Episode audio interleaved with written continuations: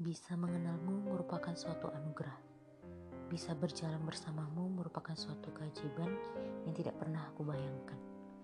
Awalnya aku merasa optimis dengan relasi yang kita bangun.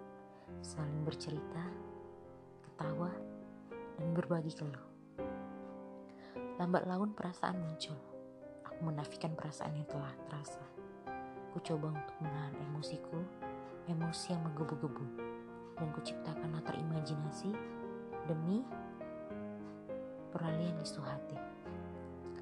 Suatu ketika aku berada di puncak perasaan, kau pun menghilang.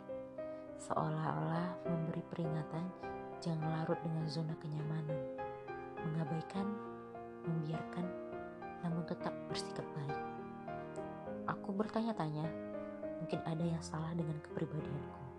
Mungkin aku terlalu membawa perasaan. Mungkin, entahlah, aku selalu mengutuk diriku yang salah. Aku mencoba tidak menghubungimu. Berat memang.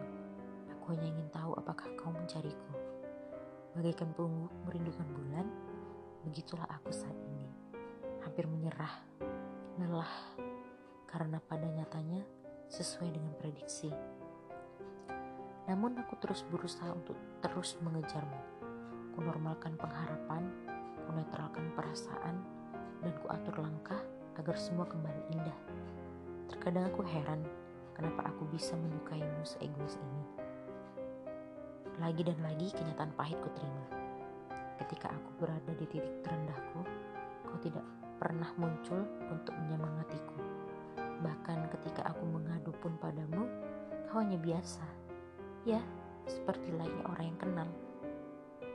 Salahku memang terlalu larut dengan kebaikan yang mungkin kau berikan kepada semua orang. Salahku memang terlalu optimis, padahal kau sudah memberi peringatan kepadaku. Kau lelaki baik. Mungkin banyak wanita yang candu padamu. Dan pada akhirnya, aku yang merasa perih. Perih yang teramat sangat. Semakin aku berusaha untuk menjodahi ini, semakin semangat untuk menghadapimu. Lagi dan lagi aku tersadar, aku bukan wanita yang layak untukmu.